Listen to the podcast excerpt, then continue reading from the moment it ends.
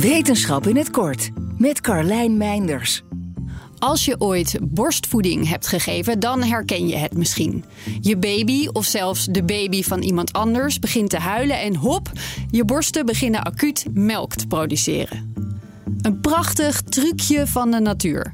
Maar hoe werkt het precies? Dat hebben onderzoekers bij muizen uitgezocht.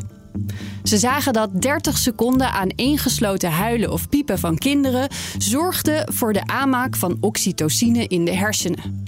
En dat zette weer in gang dat de melkproductie aan werd gezet.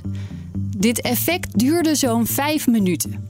Tegen die tijd waren de jongen of genoeg gevoed of begonnen ze opnieuw te huilen, wat het mechanisme weer opnieuw activeerde. Onder de 30 seconden gebeurde er meestal niets.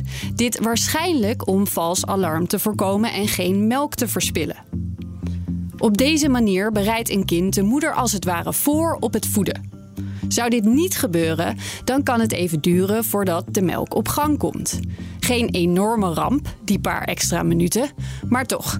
Als je als ouder al moe bent of als baby heel erg honger hebt, dan is het toch wel hoe sneller, hoe beter.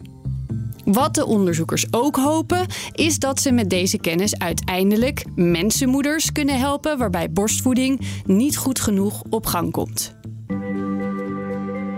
Wil je elke dag een wetenschapsnieuwtje? Abonneer je dan op Wetenschap vandaag. Luister Wetenschap vandaag terug in al je favoriete podcast-apps. De toekomst roept.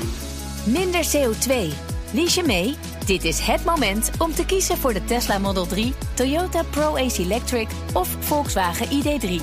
Uitstoot verminderen doe je samen met mobilityservice.nl.